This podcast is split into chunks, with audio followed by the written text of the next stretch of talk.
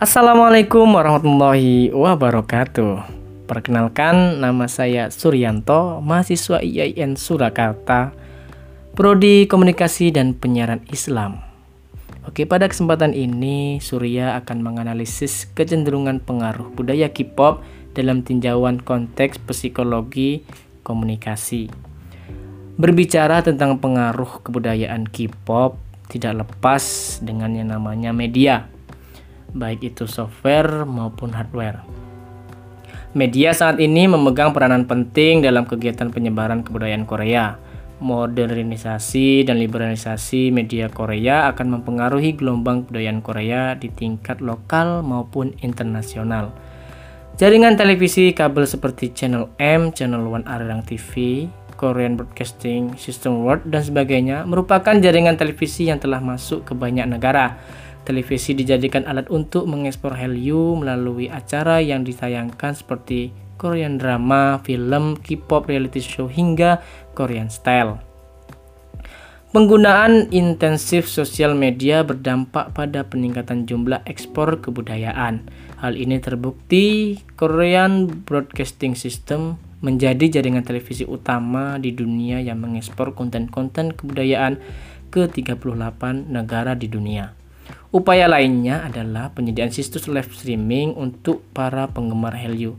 Seperti acara penghargaan musik Mnet Asia Music Award 2013 yang disiarkan langsung di Hong Kong dapat diakses via live streaming di situs mnet.com, Japan GAO, YouTube, TV, Cina, Sofu.com, Yoku, dan Tuduo, dan situs-situs lainnya. Korea menjadi sebuah negara dengan industri budaya yang kuat, mampu mengekspor produk-produk budaya populernya ke luar negeri dan bahkan menyebar pengaruh kultur ataupun kultural. Sehingga ditiru budayanya. Proses peniru tersebut adalah penghancur budaya asli negara ketiga kolonialisasi budaya termasuk pada kolonisasi modern, di mana dalam kolonisasi pasti akan ada penindasan. Penindasan dalam kolonisasi budaya Korea dilakukan melalui tiga hal, yaitu pendidikan, budaya pop, dan wacana media.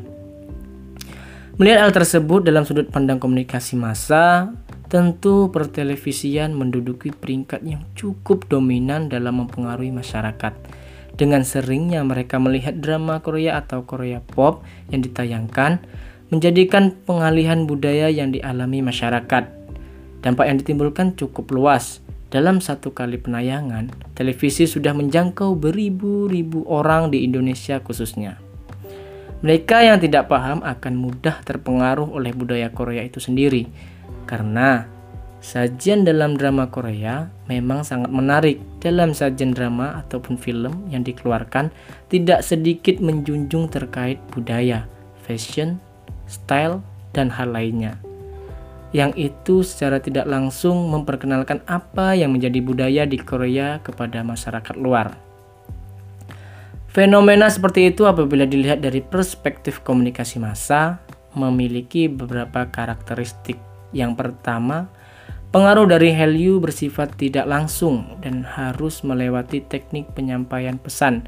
Di sini Korean Wave atau Hallyu disampaikan melalui media sosial ataupun televisi. Jadi dalam penyampaian pesan-pesan tersebut dilakukan dengan media tentunya. Yang kedua, dan juga bersifat satu arah di mana tidak ada interaksi antara audiens dengan organisasi media penyalur pesan maupun antar para khalayak. Jadi dalam penyampaian pesan dan informasi dengan bentuk Korean drama, film, K-pop reality show hingga Korean style tersebut dilakukan hanya bersifat satu arah. Misalnya dalam Korean drama, penonton Indonesia hanya akan menikmati dramanya saja tanpa mendapatkan timbal balik dari pemain Korean drama. Yang ketiga, bersifat terbuka, yakni pesan yang ditujukan untuk halayak luas yang tidak terbatas dan anonim. Pengaruh budaya Hallyu menyebar hingga negara-negara luar. Salah satunya yang mendapat dampak dari budaya Hallyu adalah Indonesia.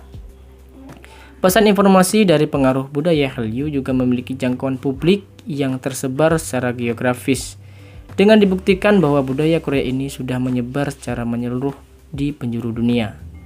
Dari sekian hanya banyak pengaruh yang diberikan. Para penggemar Korea pun tidak sadar akan hal tersebut. Mereka yang terus-menerus mengikuti perjalanan Hallyu pasti sedikit demi sedikit mengikuti apa yang menjadi tren di sana. Mulai dari fashion and style, makanan, dan lain sebagainya. Saya tidak sadar hal tersebut menjadi kolonisme terhadap budaya Indonesia. Dalam perspektif kelompok pun demikian. Karena banyaknya orang di Indonesia dan mereka tentu mengidolakan berbagai artis atau drama serial tertentu.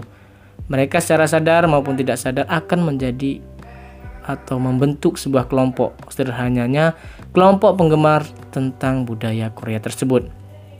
Di sisi lain, dalam pandangan interpersonal tidak bisa dilihat adanya pengaruh yang dilakukan individu dengan individu lainnya. Seperti saat mereka bercerita tentang Hallyu kepada temannya, jika hal tersebut dilakukan lama-kelamaan akan mempengaruhi pola pikir seseorang. Dan ini akan menjadikan demam Korea semakin menjadi-jadi. Perlu difahami lebih lanjut bahwa ada yang bisa diterima dan tidak bisa kita terima, seperti demam Korea yang terjadi di Indonesia. Hal tersebut bukanlah hal positif bagi kita karena nantinya akan menghilangkan budaya-budaya yang kita miliki. Pencegahan dapat dilakukan dengan tidak ikut menyebarluaskan Hallyu Setidaknya mulai dari diri kita sendiri. Kefanatikan menjadikan kita lupa bahwa hal terpenting ialah menjaga dan tetap melestarikan kebudayaan-kebudayaan lokal. Bagi generasi zaman now, harap memahami hal tersebut. Jangan sampai kita terpengaruh budaya K-pop. Kurang lebihnya mohon maaf. Saya undur diri. Wassalamualaikum warahmatullahi wabarakatuh.